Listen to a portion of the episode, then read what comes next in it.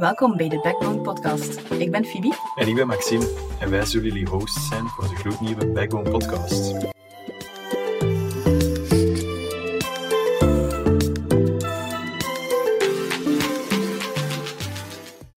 Hallo, welkom bij de Backbone Podcast. Hier zijn we weer, Phoebe.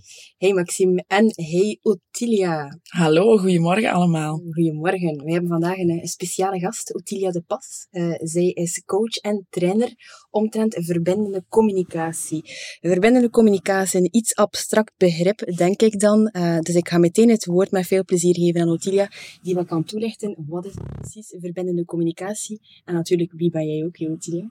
Uh, zal ik misschien starten met, uh, met wie ik ben? Ik ben uh, Ottilia. Ik ben trainer. Ik ben coach. Ik geef vooral trainingen verbindende communicatie, waar ik mijn hart verloren heb. En ik heb echt mijn hart verloren aan dit onderwerp. Ik ben coach, dus ik vind het fijn om met groepen te werken, maar ik vind het ook fijn om één op één aan de slag te gaan met mensen. Ik begeleid jaartrajecten in persoonlijke ontwikkeling voor mensen die echt een deep dive willen doen. En uh, ik ben ook mama van uh, Vic en Jeff. En uh, de combinatie van alle dingen die ik nu heb opgenoemd is soms ook pittig voor mij. Dus we zijn vaak meer dan het titeltje dat op ons, op ons kaartje staat. En we zijn ook partner, we zijn ook mama, we zijn ook beste vriend, beste vriendin. En de combinatie van dit allemaal zorgt, het, zorgt ervoor dat soms evenwicht zoeken in ons leven moeilijk is. En verbindende communicatie kan een van de dingen zijn die u daarmee kan helpen. Oké. Okay. En verbindende communicatie. Ik heb daar uh, met Ottilia ook en samen met mijn team een workshop omtrent gevolgd. En ik moet zeggen, dat was wel uh, levensveranderend. En niet over... Uh, waarom lach je, Ottilia? Omdat ik het geweldig vind. Ik verschiet altijd zelf wat de impact van zelfs twee dagen verbindende communicatie op mensen kan hebben. Ja. En het kan soms een heel klein inzicht zijn. En het kan soms een groot inzicht zijn. En als ik soms tien jaar later nog iemand tegenkom of een mailtje krijg, want mijn telefoonnummer en mijn e-mail zijn nog nooit veranderd. Mm -hmm. En soms tien jaar later hoor ik mensen nog en zeggen die, weet je wat er toen gebeurd is? En dat raakt mij gewoon. Ik lach hier. Hè, maar eigenlijk lach ik omdat mij zo raakt dat het iets betekend heeft voor Phoebe. Het is ook zij die mij contacteerde om deze podcast trouwens de eerste keer. Ik vind het heel spannend. Um, en los van waar gaat het over gaan of hoe gaat het zijn, wist ik al in mijn hart dat het ja was. Dat ik het wou doen, omdat er verbinding kan ontstaan tussen mensen. En dat dat zo mooi is. Oké. En als we nu naar de luisteraars, die net zoals Maxime, uh, omtrent het begrip verbindende communicatie, hoe kunnen we op een laagdrempelige en duidelijke manier naar onze luisteraars toe duidelijk maken wat is het precies, verbindende communicatie, en waarom is het net zo belangrijk? -hmm. Wat is verbindende communicatie? Ik ga misschien zeggen waar het ontstaan is. Dus um, als het gaat over verbindende communicatie, wil ik jullie misschien al meegeven dat um, het bedacht is door Marshall Rosenberg. Marshall, Marshall is uh, niet zo lang geleden overleden, maar hij is uh, geboren als Marshall met een met een Joodse afkomst. Dus hoe hij geboren is, ja, daar kwam al, er is al zoveel geweld geweest naar, uh, naar wie hij van oorsprong is. Dan is hij nog eens opgegroeid in Detroit tijdens de rassenrellen. En hij is zijn heel leven gefascineerd geweest door geweld. En heeft daar zijn levenswerk van gemaakt. Dus als je er meer over wilt weten, je kunt hem googlen, je gaat enorm veel dingen vinden er. Nu, verbindende communicatie is, het, is een heel gemakkelijk model. Er zijn maar vier stappen. En die vier stappen, zijn eigenlijk observatie, gevoel, behoefte en verzoek. Of de actie die we kunnen ondernemen. En als we ons gaan verdiepen in die vier stappen en de verbinding maken tussen die vier stappen, dan ontstaat verbindende communicatie. En als het gaat over verbindende communicatie, hebben we vier stappen. Dus een heel gemakkelijk model, niet altijd zo gemakkelijk toepasbaar. Het is niet omdat het gemakkelijk maar vier stappen zijn dat, het, dat je het gemakkelijk kunt toepassen. Soms is het ook gewoon echt moeilijk, omdat het gaat over wat je voelt en wat je nodig hebt om gezond en gelukkig in het leven te staan. En soms is die zoektocht daar naartoe, dus de eerst, het eerste proces, als we gaan kijken naar de verschillende processen die er bestaan in verbindende communicatie, het eerste proces is al bij jezelf gaan zoeken. Wat voel ik en wat heb ik nodig? En als dat duidelijk is voor jezelf, dan pas kunt je in contact gaan met de anderen. En dat eerlijk uiten naar de anderen van wat leeft er in mij, dat eerlijk uiten is uw tweede proces. En vaak is het zo dat als we iets zeggen tegen iemand anders, dat hij ook iets terugzegt. En kunnen we dan verder dan de woorden dat iemand vertelt op dat moment gaan luisteren van hé, hey, die andere, die heeft ook iets nodig. Die heeft ook een gevoel en een behoefte die op dat moment speelt. Dus de combinatie van al die aspecten die ik net verteld heb, de vier stappen, de drie keuzes die je kan maken, want het allerbelangrijkste als we kijken naar communicatie is dat je elk moment kunt kiezen. Je kunt luisteren naar jezelf, je kunt in contact gaan met de anderen en je kunt ook kiezen om te luisteren wat voelt die andere en wat heeft die nodig. Oké. Nee, nee, perfect, perfect. Heb jij het, uh, is het voor jou ook duidelijk, Maxime, wat het, je inhoudt precies, de ja. communicatie? Ja. Oké. Okay. Um, ik je misschien vragen, kan je het naar de luisteraars toe, als het misschien nog wat abstract zou zijn voor iemand, een fictief voorbeeldje geven? Wat is een voorbeeld van verbindende communicatie en waar loopt het dan bijvoorbeeld ook soms fout in die verbindende ja. communicatie? Um, stel, uh, ik kom van school af, ik kom uit school. Ik ga naar mijn eerste job en uh, ik ben daar drie weken. En plots hebben we een meeting met de baas en zegt de baas tegen u, ah ja, um, ah, ik heb een kei groot nieuw project. Ik denk dat jij de geknipte persoon bent om dat project te doen. In dat moment voelt jij als persoon van alles. En als jij niet de woorden vindt om te zeggen, hey, ik heb het te druk, ik ben me nog maar aan het inwerken. En dat je bijvoorbeeld, dus je kunt op verschillende manieren reageren. Je zou kunnen zeggen, uh, dat is veel te groot, trek je plan, ik doe het niet.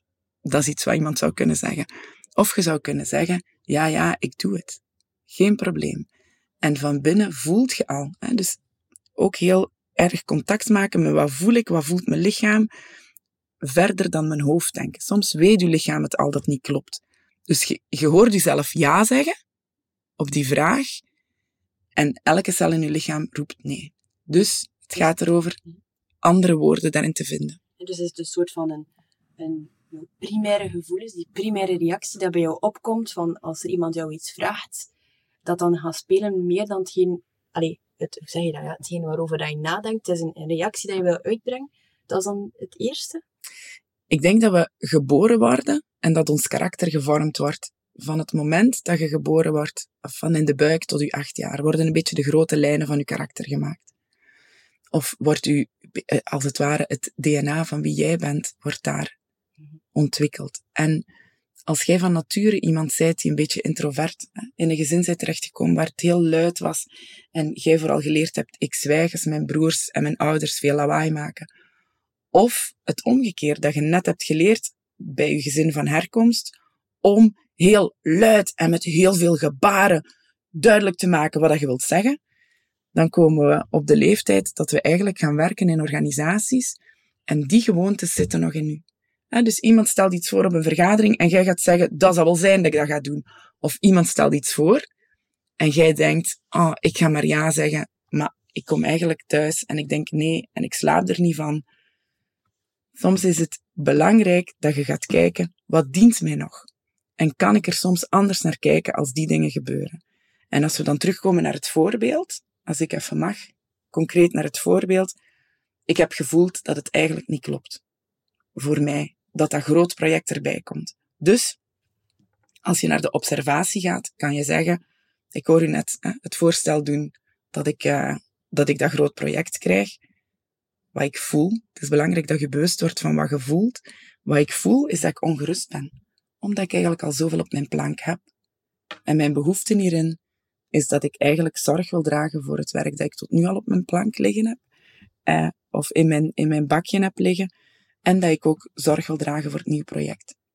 Dus wat mijn vraag naar u, eh, uw verzoek kan zijn, kunnen we daar eens samen naar kijken?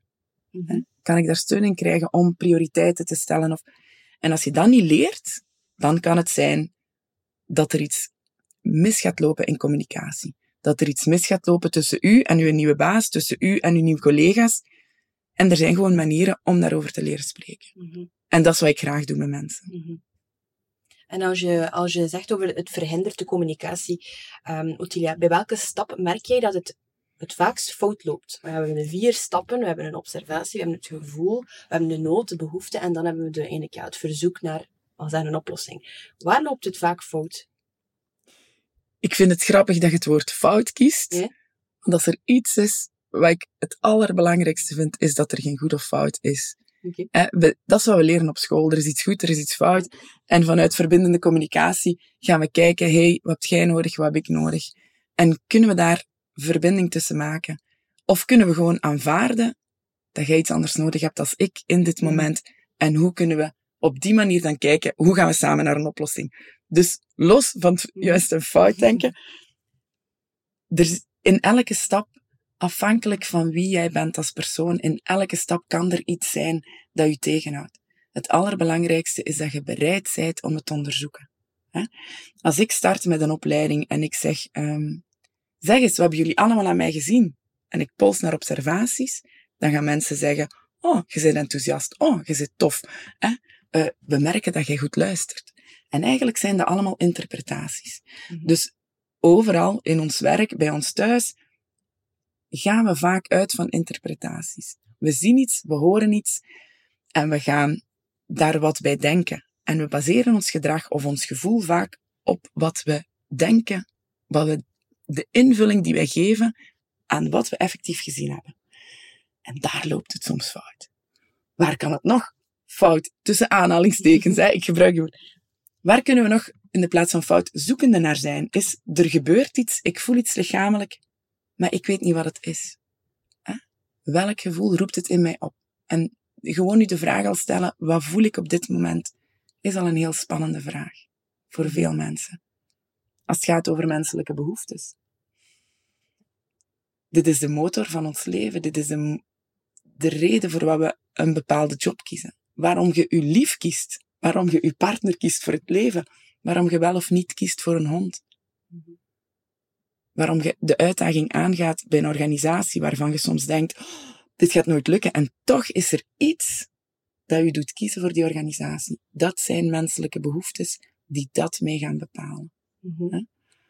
Ehm, dus daar zijn we ook zoekende naar. Wat als, nu zijn de stappen, lijkt het heel simpel. Ik ga het daar nemen. Hè. De stappen die je uitlegt, Ottilia, lijken nu eigenlijk wel relatief simpel op het eerste zicht. Wat ik gemerkt heb, persoonlijk dan, tijdens de workshop, is, Ja. Het is eigenlijk niet zo simpel. Want hoe benoem je je eigen gevoelens, dat eerst al, en hoe moeilijk is het soms niet om je eigen behoeftes allee, te gaan ontdekken. Dat je weet van, oké, ik voel mij zo, maar waarom voel ik mij precies zo? Of waar heb ik precies nood aan? Kan je de mensen of de luisteraars wat tips geven over, om, om hen daarbij te helpen? Ik zal het zo zeggen. Ik geloof voor mezelf, alleszins, ik kan voor mezelf spreken, en als ik werk met groepen en met mensen, erin oefenen. Oefen, oefen, oefen, zoveel je kunt. Oefen elke dag. En voelen, wat helpt, is bijvoorbeeld, er gebeurt iets. Ik zie iets, ik hoor iets, je voelt iets in je lichaam. Neem even de tijd om je ogen te sluiten. Ik geloof dat soms je ogen sluiten het kleinste, simpelste geschenk dat je aan je eigen kunt geven is je sluit je ogen, je ademt in. Ademhalen, of ons ademhalingssysteem, is een van de krachtigste dingen die we altijd op zak hebben. Als we die niet meer hebben, zijn we dood, hè, mensen. Dus sluit je ogen, adem in en voel. En stel je de vraag, wat voel ik? Wat ook kan helpen als het gaat over gevoelens is, bij welke hoofdcategorie hoort het thuis? Maakt dit mij blij? Maakt dit mij bang? Maakt dit mij boos? Maakt het mij verdrietig? Uh, ik spreek soms over de vier B's, blij, bang, boos, bedroefd. Dat helpt als je, als je de vraag stelt, maakt het mij blij, bang, boos of bedroefd? En dan kunt je voelen in die categorie, als het gaat over boosheid, ik, ja, het klopt, ik voel mij boos, maar ben ik dan heel boos? Ben ik woest? Ben ik eigenlijk een beetje gefrustreerd? Vind ik het lastig? Speel met gevoelswoorden, schat. Ga er naar op zoek, want het brengt gradaties in wat je voelt. En vanaf het moment dat je erkent wat je voelt, is de intensiteit van je gevoel, dat gaat ook een beetje minderen. Dus als je heel kwaad bent en je kunt erkennen dat je kwaad bent, dan zakt je in die boosheid.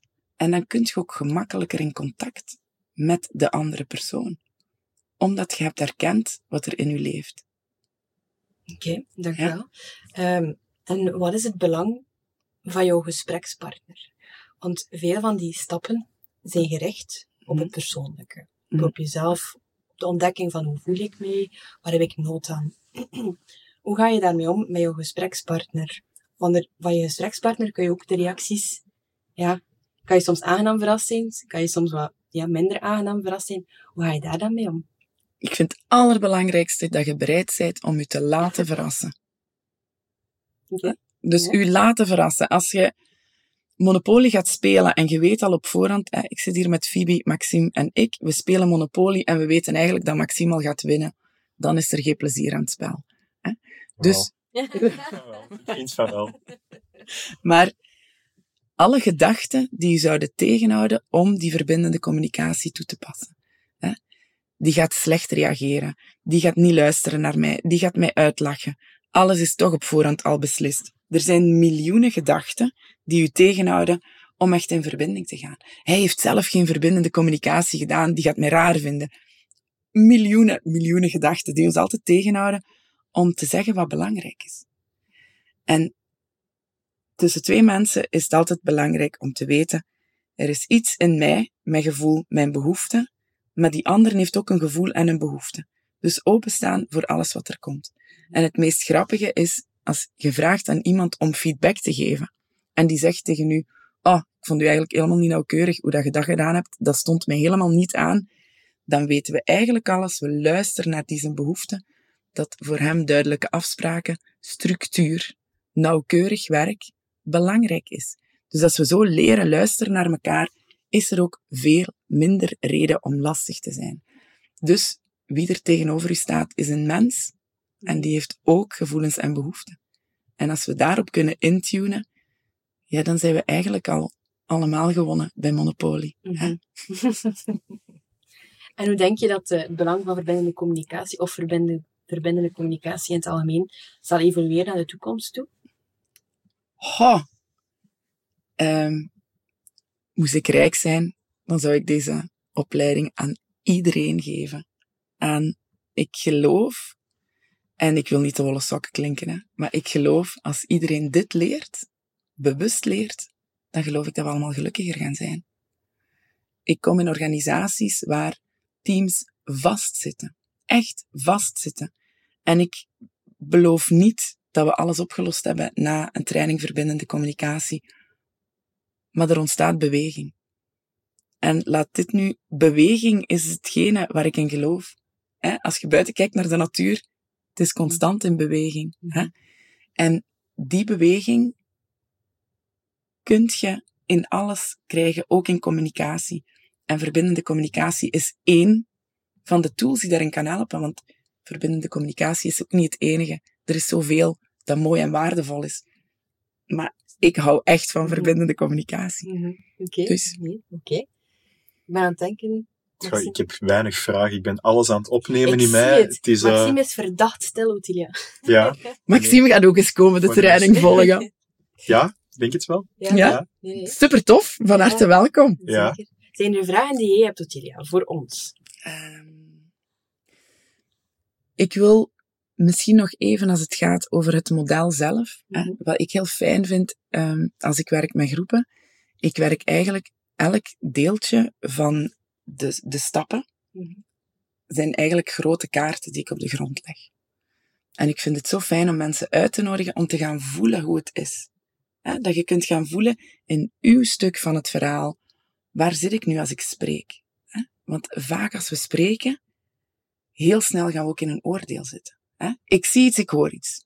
Ik ga er al wat bij denken en ik heb al meteen een oordeel. Dus als je naar de bureau van je collega kijkt, dan zou je kunnen kijken en zeggen, ah, hij heeft uh, zoveel stiften, hij heeft de laptop, zijn uh, drie dossiers, dat zijn observaties.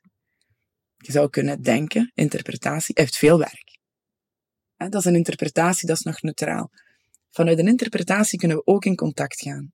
Dus kunnen we zeggen, ah, Maxime, ik heb de indruk dat je veel werk hebt. Klopt dat? Dan ontstaat er al verbinding. Mm-hmm. De stap die ook in een momentopname gebeurt, is een oordeel dat je erover hebt. Als jij gaat evalueren of iets goed of fout is. Dus ik kijk naar Maxime zijn bureau en ik denk, amai, wat een sloddervos. rommel, chaos. Hè. Dat kennen we allemaal. Die hebben we altijd op zak, die oordelen. Nu, het helpt niet om in contact te gaan vanuit het oordeel. De kans tot verbinding, als ik, sta, als ik start met uh, Maxime, jij sloddervos, wat een rommel is op je bureau. Ik weet niet of de kwaliteit van ons contact dan zo goed gaat zijn. Dus, um, en ik geloof dat die kwaliteit van contact zo belangrijk is. Als ik opleidingen geef en ik maak, ik zet die kaarten op de grond, dan noem ik dit een dansvloer. Omdat communicatie ook dansen is. En de ene moment gaat je voelen, wat heb ik nodig? En wat voel ik en wat heb ik nodig? En de andere moment richt ik mij naar de andere. En dan kan ik benoemen, ik heb de indruk dat het lastig is voor u. Hè? Omdat, omdat je misschien veel werk hebt, heb je, hè? heb je er steun in nodig? Of, en dan blijven we dansen van de ene persoon naar de andere, maar dan voelt je dat fysiek. Dus ik geloof dat het ervaringsgericht werken vanuit beleving, ga ermee aan de slag. Probeer het, ook al heb je nog geen opleiding gevolgd. Mhm. Dat je je richt naar jezelf, maar ook richt naar de anderen, voor beide woorden. Mhm. En dat, dat helpt gewoon. En op het einde, hè, want we hebben het gehad over de drie eerste stappen, het verzoek. Je hebt verschillende soorten van verzoek. Je kunt verzoek tot verbinding, hè, waar je de andere vraagt, hoe is het eigenlijk voor u als ik dat zeg? Dat is een rare vraag. Maar ik geef ze jullie cadeau omdat ik ze zo belangrijk vind. Mhm. Los van naar de oplossing te gaan, kunnen we al eerst verbinding maken. Mhm. En je kunt soms kijken naar iemand en voelen dat er ineens afstand is of dat hij afhaakt. Dat is uw interpretatie. En dan kun je mhm. dat checken. hey, ik zie iets gebeuren bij u. Is er iets? Heb je iets niet begrepen? Ah, of kunt je ze in uw eigen woorden zeggen? Wat heb je eigenlijk begrepen van, van mijn boodschap? Het heeft te maken met mijn behoeften aan duidelijk zijn. Aan duidelijkheid. En als iemand dan in zijn eigen woorden dat zegt, ah, dan is er al ontspanning tussen de twee mensen. Dan voelt je, je eigenlijk op hetzelfde moment soms ademen. Ah, Oké, okay, daar. Er was iets niet duidelijk in, onze, in de eerste stap. Mm Jij hebt het anders gezien als ik. En soms, als we teruggaan naar dat punt, dan is er geen conflict meer nodig, want heel in het begin is er iets, iets geweest mhm. waardoor we elkaar niet begrepen hebben. Of soms, andere mogelijkheid tot verzoek, is dat je eigenlijk gaat zeggen wat je, wat je wenst, wat je hoopt. Mhm. En dat je dat gaat benoemen. Dat je zegt, hé, hey, wat ik eigenlijk fijn zou vinden, is, eh, ik hoor u net mijn lieveke zeggen of zo tegen mij. Ik hoor u dat zeggen, mijn lieveke, dat raakt mij. Ik ben, ben er eigenlijk wel lastig over. En bij mij heeft dat te maken met de manier waarop wij elkaar spreken. En dat heeft echt met respect te maken. Kan ik u vragen om volgende keer Ottilia te zeggen tegen mij? Dat is heel simpel. En nu zijn we door de vier stappen gegaan. En dan gaat je wel naar een oplossing. En dan kun je dansen. En dan terug zeggen, hoe is dat voor u als ik dat zeg? Ah ja, dus je gaat dan eigenlijk van het, het tweede verzoek, dat je, dat je zegt van, um, dat brengt dat bij mij teweeg. Um, ja. Ga je eigenlijk daarvan meer zoeken naar de oorzaak, waarom dat die persoon dat voelt of zegt. En dan vraag ik, hoe is dat voor u? Mm Hoe voelt het voor u? Ik vraag niet, wat denkt jij daarover? Mm Voelt je het verschil? Ja. Wat denkt jij daarover? Dan, ga, nodigt je iemand uit om naar zijn hoofd te gaan. En we gaan al 90% van de tijd naar ons hoofd. Dit is nu echt een tool om eerst verbinding te maken vanuit je hart. En we vragen ook, wat voelt jij, wat heb jij nodig? Dat is eigenlijk wat wij vragen. En als daar op dat vlak al verbinding is, dan kunnen de oplossingen komen. Maar zorg eerst dat je verbinding hebt met elkaar. Ik vond het ook fijn, ik kende Phoebe al, ik vond het ook fijn om even kennis te maken met Maxime en om te voelen wie hij is als mens, voordat we in de podcast duiken. Omdat ik het zo belangrijk vind om verbinding te maken. Klopt. Hoe voelt het voor u als ik dat zeg? Die ga ik dat, onthouden, ja. dat is waar. En, en dat voor heel veel mensen nuttig kan zijn. Dat is een vraag dat ik nog nooit, aan had gedacht. Ja. En de eerste keer dat je die vraag stelt, tijdens een workshop, dan heb je dat ook gedaan met de teamleden, is dat moeilijk. Dan komt dat niet spontaan. Dan is dat precies een drempel. Dat was voor mij zo, dat is een persoonlijke ervaring. Maar hoe meer je dat oefent, hoe meer dat een automatisme wordt om te vragen, hoe voel je je daarbij als ik dat zeg? En vandaar inderdaad, dat is net dat moment, heb ik ook al gemerkt, zowel privé als professioneel, dat je net die connectie gaat maken. Ja, dat is een heel, inderdaad een heel verbindende vraag, omdat je jezelf ook blootgeeft aan, van, van ik voel aan dat er iets niet... Ik heb iets gezegd, ik voel aan dat dat niet 100% op de juiste manier is aangekomen. Je gaat dan die vraag stellen, omdat je dat zelf ook voelt, als die interpretatie. En dan kun je daarop verder bouwen om tot een oplossing te komen. Vind ik echt een topper. Dat is mhm. echt een heel mooie vraag. En is er een andere manier om die vraag te stellen? Ja. Hoe voelt het voor u? En het maakt niet uit op welke manier je die vraag gaat stellen. Ehm, ik nodig u uit om vragen te stellen om naar het hart te gaan en niet naar het hoofd. En het allerbelangrijkste is dat je ze stelt met de woorden die voor u kloppen. En het, dit is geen uh, rocket science. Dit gaat over de taal van het hart. Maar hoe kunt je in contact blijven? En um, neem vooral woorden. Als ik zeg blij, bang, boos, bedroefd, neem vooral woorden die bij u kloppen in dat moment. En daar hebt jij in te oefenen en ziet hoe komt het uit mijn mond. En als je het niet weet, dan kunt jij oefenen bij Phoebe. Dan kunnen mensen bij elkaar oefenen. Want als je dit voorbereidt, is het vaak ook omdat er iets spannend is. Hè, dat je wilt gaan zeggen. En hoe meer dat je gaat dansen in communicatie en voelen hoe klinkt dat nu als het uit mijn mond komt, hoe gemakkelijker je gesprek gaat gaan in dat moment. En ik beloof jullie, hoeveel je het ook voorbereidt, in het moment zelf gaat het nog anders zijn. Sowieso. Maar mhm. je gaat niet vergeten wat belangrijk was. En dat helpt. Dat is een heel mooie les, denk ik, en ook een heel toffe opdracht voor de luisteraars. Ja, zeker. Denk daar zelf eens over na. Mm -hmm. Met een voorbeeldje van jouw dagelijkse leven zijn er waarschijnlijk ja. Eh, genoeg voorbeelden. Tida, kan je nog één keer voor de luisteraars alle stappen, de vier stappen die zo cruciaal en belangrijk zijn, kun je die nog eventjes herhalen, alsjeblieft? Ja. Eerste stap is observatie. En we nemen nu een podcast op. Dus het gaat erover, uw observatie kunt je die benoemen alsof het gefilmd is. Hè? Wat je ziet, wat je hoort. Dat is uw observatie. Hè? Of wat je op de podcast hoort. Letterlijk, wat je iemand letterlijk hoort zeggen, wat je iemand ziet doen. Dat is uw observatie. Je kunt vanuit de betekenis dat je eraan geeft, je interpretatie, in contact gaan. Maar dan heb je te checken of het klopt. Mhm. En het oordeel gebeurt in datzelfde moment. Dat laat je voor wat het is. Dat kunnen we ook gaan onderzoeken, want dat is heel tof met oordelen werken. Maar daar hebben we nu misschien geen tijd voor om daarin te duiken.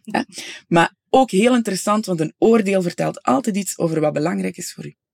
Onthoud dat. Het oordeel dat jij hebt over iemand anders, egoïst, hij is een egoïst, dat wil waarschijnlijk zeggen dat jij gelijkwaardigheid belangrijk vindt. Eerste stap. Eerste stap. Observatie.